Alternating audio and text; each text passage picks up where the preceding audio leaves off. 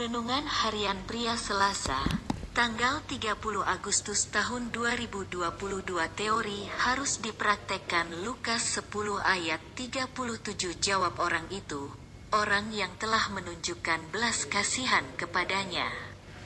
Kata Yesus kepadanya, pergilah, dan perbuatlah demikian, Lalu Yesus memberikan sebuah cerita untuk menjawab pertanyaan dari seorang ahli Taurat itu tentang sesama manusia.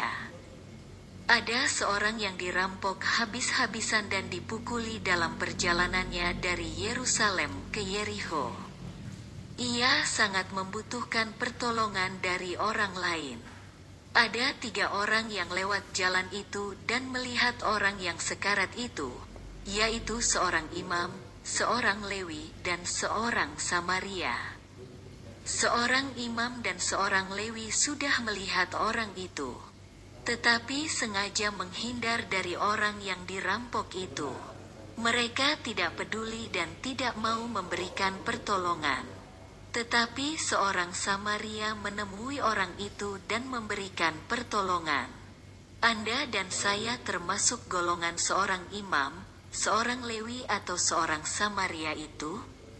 Secara teori seorang imam dan seorang Lewi itu tahu kebenaran bahwa mereka harus menolong orang yang sangat membutuhkan itu. Tetapi mereka hanya tahu teori saja dan dapat mengajarkannya saja kepada orang-orang lain, tetapi tidak melakukannya. Orang Samaria itu tahu secara teori dan mau melakukannya dan ia digerakkan oleh belas kasihan untuk memberikan pertolongan. Bukan seberapa banyak pengetahuan dan teori firman Tuhan yang kita ketahui, tetapi yang paling penting adalah seberapa banyak firman Tuhan yang kita lakukan.